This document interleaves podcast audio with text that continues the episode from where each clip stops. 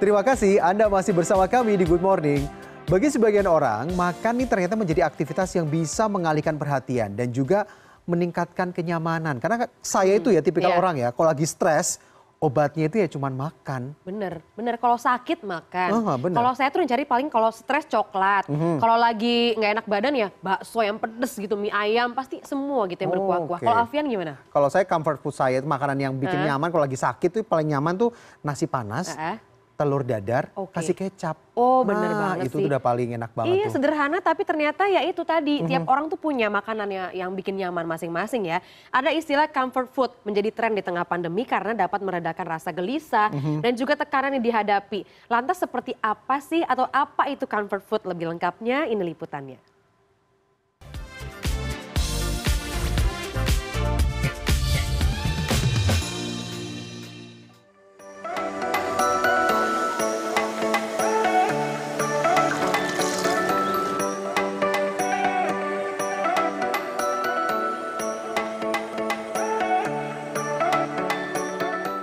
Comfort food atau secara harfiah diartikan makanan yang bikin nyaman.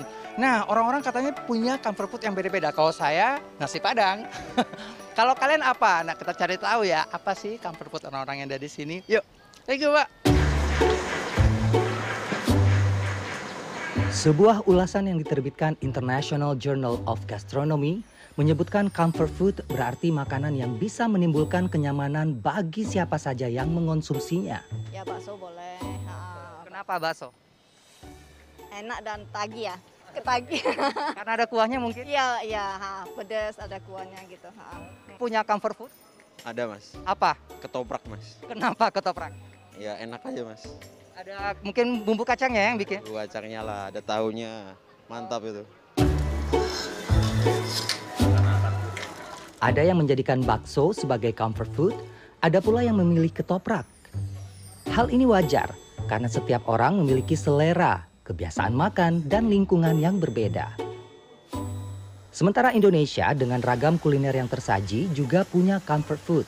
Salah satunya mie instan dengan sambal pedas. Gami, sambal bakar gami. Itu apa? Eh, ini sambal tomat, tapi kita bumbunya dari Kalimantan kak, khas Bontang.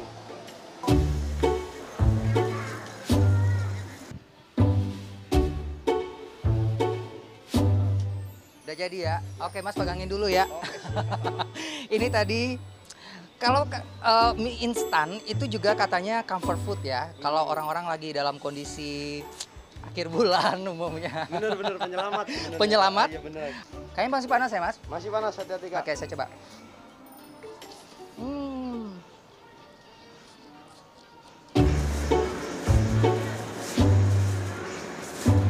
Untuk makanan berkuah, bakso selalu masuk jajaran comfort food masyarakat Indonesia.